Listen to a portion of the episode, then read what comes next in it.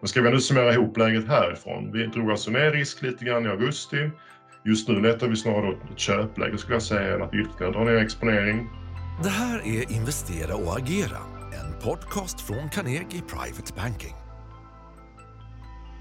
Idag är det den 14 oktober och du lyssnar på mig, Peter Nelson, som är chef för portföljförvaltningen här på Carnegie Private Banking. Efter en lång period med uppgångar så har det nu varit lite mer oroligt på börserna. Eh, varför är det slagit och vad kan vi förvänta oss framåt? Det är det vi ska prata om idag och lite om hur vi justerat våra långsiktiga portföljer. Eh, då fick vi till slut en rekyl på börsen. Eh, vi hade ju en topp i augusti och sen har index, eller föll index med ungefär 7-8 procent fram till för någon vecka sedan. Eh, och sen har det nu börjat röra sig uppåt lite grann här igen. Eh, och det här är ju, kan vi konstatera, då den första riktiga rekylen egentligen sedan oktober 2020, alltså ungefär drygt ett år sedan. Då hade vi också en nedgång på, på faktiskt också 7-8 procent. Vi kan också konstatera att vi tycker att egentligen det var dags för en rekyl. Det har vi sagt ett tag, eh, undrat lite grann under året att varför det bara fortsätter uppåt, uppåt. Sen är det otroligt svårt att veta just när de här rekylerna kommer. Eh, de dyker oftast upp när man inte riktigt förstår varför. Jag tycker att det finns några anledningar den här gången som vi kan komma in på. Vi eh, på Carnegie drog ju ner exponeringen på våra aktieportföljer i augusti eh, efter att vi tyckte att, att framförallt utvecklingen under juli hade varit väldigt stark. Så vi blev lite mer försiktiga då. Eh, så det har ju passat ganska bra med utvecklingen som den har blivit faktiskt. Det vi också kan konstatera är att rekylen har mest syns på svenska börsen. Eh, den utländska, den utländska marknaden har klarat sig betydligt bättre. Och det är nog också ganska rimligt för att, att Sverige hade gått så mycket bättre och då det kan man tycka att det är ganska eh, naturligt att också Sverige tar lite mer stryk när det blir stökigt. Och varför då en rekyl just nu? Eh, det finns som vanligt flera faktorer man kan peka på. Eh, när vi drog ner vår exponering i augusti så pekade vi lite grann på att vi tyckte att vi hade någon form av peak både vad gäller tillväxt och likviditet som är två viktiga drivfaktorer för, för börsen. Och vad vi menar med det är ju att eh, det är fortfarande bra konjunktur, men att det inte liksom fortsätter förbättras i samma takt som det har gjort sedan, vi har, sedan eh, pandemin bröt ut.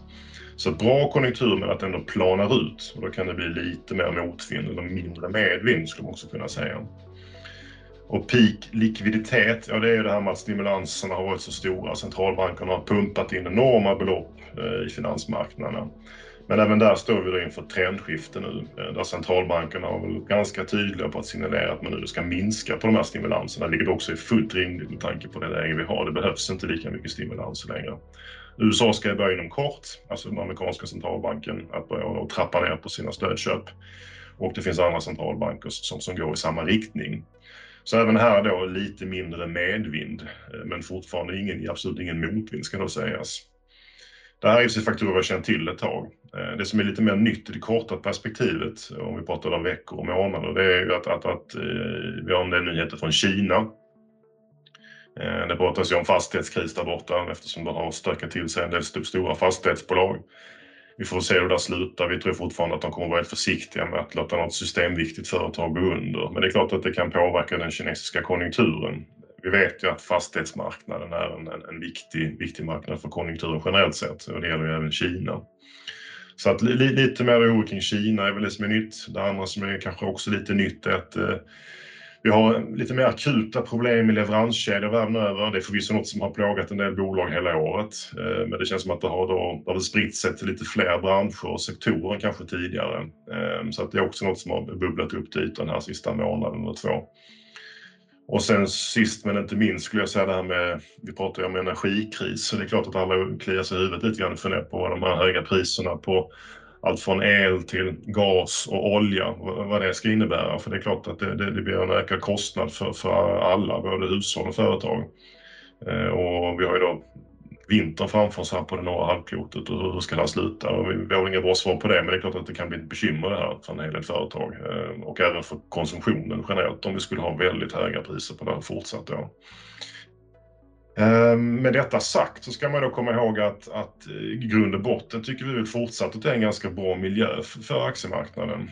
Eh, för som sagt, det är fortfarande god tillväxt även om inte den förbättras i samma takt längre. Det är absolut ingen, eh, ingen dålig ekonomi vi ser framför oss. De flesta företag går väldigt bra. Även coronaförlorarna har ju börjat att ta sig lite grann nu i takt med att samhällen har öppnat upp. Så att lite en bred återhämtning i ekonomin ser vi fortfarande. Eh, de här utbudsproblemen beror till stor del på att det är hög efterfrågan. Det, det är ändå en bättre situation än att man har för låg efterfrågan. Eh, så att eh, bra, bra konjunktur tycker jag det ska man ta med sig. En del av de här utbudsproblemen borde ju lösa sig kommande kvartal. Väldigt svårt att veta hur fort det går men det är ändå något som borde vara övergående till, till viss del. Det som också i grund och botten är positivt att många stimulanser finns kvar, även om de blir lite mindre. Eh, finanspolitiken kommer att verka ett bra tag till och det är som sagt inte så att centralbankerna slutar stödköpa, det är bara att de drar ner på de här stödköpen. Så att även här finns det liksom någonstans en positiv grundbild. Och sen kommer vi alltid tillbaka till räntorna. Svårt att inte prata om dem. Eh, även om vi har en prognos om att räntorna ska fortsätta uppåt lite grann härifrån eh, så är det fortfarande väldigt låga nivåer. Så det förändrar inte det faktum att det då är svårt att hitta väldigt bra investeringsalternativ till aktier. Så det här TINA som man pratar om och har pratat om i flera år, det vill säga att there is no alternative, ont om alternativ till aktier, det finns i högsta grad kvar fortfarande tycker vi. Även om räntorna då kryper lite uppåt. Ska man bli mer negativ härifrån eh, och liksom faktiskt sälja aktier och ta ner, gå undervikt och ta ner sin exponering lite mer, mer rejält, då, då tycker jag nog att då måste man tro på att vi har någon typ av recession framför oss eh, inom, inom liksom en, ja, 6 till 9, 12 månader. Eh, för det är ju det, tittar man, det, det, är ju då som börsen liksom mer långsiktigt mår riktigt dåligt. Och då tänker jag så här tapp på 20 procent och uppåt någonting då är det nästan alltid förknippat med att det kommer någon typ av lågkonjunktur. Det finns några undantag, men, men eh, eh tittar vi på de senaste större nedgångarna som, som pandemin som ändå blev en, en lågkonjunktur, nu var den väldigt kort, men ändå det påverkade konjunkturen väldigt mycket. Vi hade naturligtvis finanskrisen med en rejäl lågkonjunktur. Vi hade IT-kraschen vid millennieskiftet och blev också en lågkonjunktur. Det är ju inte det scenariot vi har alls i nuläget som sagt. Vi, vi tycker snart konjunkturen fortfarande ser då ganska stark ut.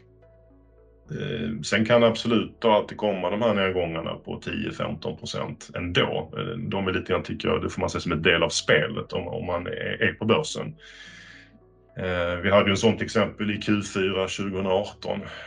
Då var det nä, nä, nästan 20 procent faktiskt. Då blev det ingen lågkonjunktur. Sen hämtades det sig väldigt snabbt då igen. Då. Så korrektioner hör till, till spelets regler, med de här större nedgångarna, då, då ska man tro på sämre ekonomi och det är inte det vi har i vårt scenario just nu. Så om vi då blickar lite mer framåt. Eh, I närtid har vi ju rapporterna för tredje kvartalet. Det är såklart högintressanta, det brukar alltid rapporterna vara. Kanske lite mer just nu med tanke på att vi har den här situationen där många företag har problem med att få fram grejer. Fraktkostnaderna går upp, löner börjar krypa uppåt etc. Det som ändå har hänt här sista månaden eller en och en halv, två, det är att förväntningarna har kommit ner lite grann med tanke på att en del bolag då har rapporterat om problem och börsen har gått lite sämre. Så att förväntningarna har skruvats ner lite grann. Samtidigt som vi då är vana vid att nu under ett års tid har det varit extremt bra rapporter med, med, med, bättre utfall än förväntat. Den här gången tror jag inte man förväntar sig samma utveckling riktigt utan att det kommer vara lite mer i linje med det som, som, som ligger i förväntan från analytikern. Men det är klart att vi får se vad, vad företagsledningarna säger här. Eh, framförallt är det väl då naturligtvis utsikterna framåt som är intressanta här och det är väl rimligt att tro att rätt många företagsledare kommer att vara lite mer försiktiga givet hur det ser ut och varna för att det är svårt att se om, om det finns flaskhalsar som kan påverka dem. Eh, I många branscher förväntar man sig liksom att vet man och förväntar sig att det finns problem. Jag tänker framförallt på fordonsindustrin, kanske elektronikindustrin till viss del. Utan det är väl mer de bolagen där man inte riktigt har sett det komma, eh, där man, skulle kunna bli större reaktioner. För då har vi ju sett några exempel de sista veckorna.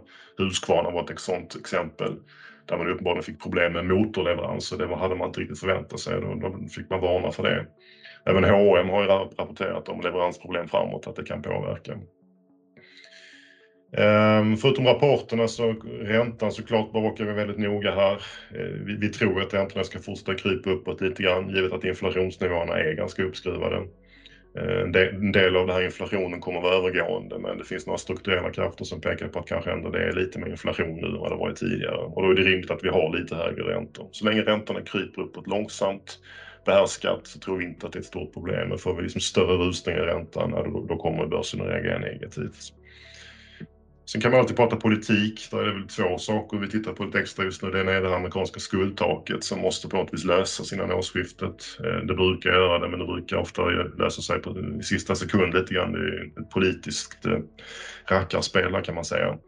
Så att, eh, men, men, men, skulle det inte lösa sig, då, då blir det problem med det. Det tror vi kommer att fixa till sig. Och sen även skattefrågor som lite grann runt om i världen är på tapeten. Att, att staterna behöver kanske höja skatter för att finansiera sina stora budgetunderskott.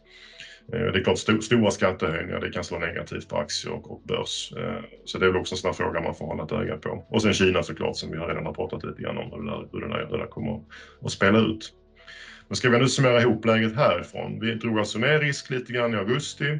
Just nu letar vi snarare ett köpläge skulle jag säga än att ytterligare dra ner exponering. Eh, vi har en liten preferens för utländska aktier eh, gentemot de svenska just för att vi tyckte att vi har fått så bra avkastning på Sverige. Och när vi har lite sådana oroliga faser kan det vara bättre att ha lite med utlandet i portföljen. Det pratas mycket om det här med tillväxt och värdeaktier. Vi jobbar ju med en mix av de där. Eh, det kommer vara väldigt ränteberoende. Får vi liksom räntor upp så borde det vara lite motvind för tillväxtaktier eh, och, och vice versa. Men vi tror väl att liksom, eftersom vi tror på mycket högre räntor så tror vi att man ska ha en mix. På lång sikt brukar ändå tillväxtaktier vara det som, som var bäst. Och då väljer vi på tillväxtsidan i den utländska portföljen amerikanska techaktier tycker vi ändå fortsatt är bra. Amerikanska småbolag tycker vi är bra. För att få mer då värde då kompletterar vi det med banker som ju är en typisk sån här värdesektor. Eh, vi tar med lite Europa som är mer värde och även Japan. Och i Sverige, då har vi på, på, på, på värdesidan har vi bolag som Volvo, Autoliv, SEB, jag skulle även ta med AstraZeneca där som innehav. Medan vi på tillväxtsidan har, har innehav som Hexagon, eh, Lagerkrans, eh, Sinch, Adnode. Så det blir en mix av det här då, som vi tror kan vara rätt bra framåt. Och mot det har vi då en undervikt på räntor. Eh, uppgång i räntor brukar inte vara bra för avkastningen på räntor. Så att där ser vi en begränsad potential. Så det är lite grann så vi ser på världen just nu. Eh, bra att komma ihåg också, har man ganska mycket kassa samlat på sig, eh, då tycker vi att det kan vara bra läge att sätta det i arbete nu när vi har fått lite av en rekyl. Det här med timing är ruskigt svårt. Jag påminner gärna om det här med att time in the markets eh, är viktigare än timing the markets. Eh, sitter man och väntar för länge ibland på att, på att liksom tajma sina köp kan man missa ganska mycket avkastning. Så på lång sikt så ska man vara investerad. Däremot om man då har för mycket aktier i portföljen eh, och tycker att det har varit en jobbig rekyl, ja, då är det ju lite så kanske sent nu. Men då ska man komma ihåg det här med rebalansera som vi brukar prata så ofta om. Att efter långa uppgångar titta över sin aktievikt, eventuellt att sälja av lite för att liksom komma tillbaka till den nivå man skulle ha i sin portfölj för, från början. Så det var det. Ehm, allt det här som jag nu har pratat om och lite mer och dessutom våra nya investeringsteman, det kan man läsa mer om i vår senaste strategirapport som finns tillgänglig i Carnegie online. Tack för att du har lyssnat. Vill du veta vilka aktier och investeringar vi tror på? Du som ännu inte är kund kan beställa en provportfölj på carnegie.se privatebanking så sätter vi ihop en rekommenderad portfölj för dig.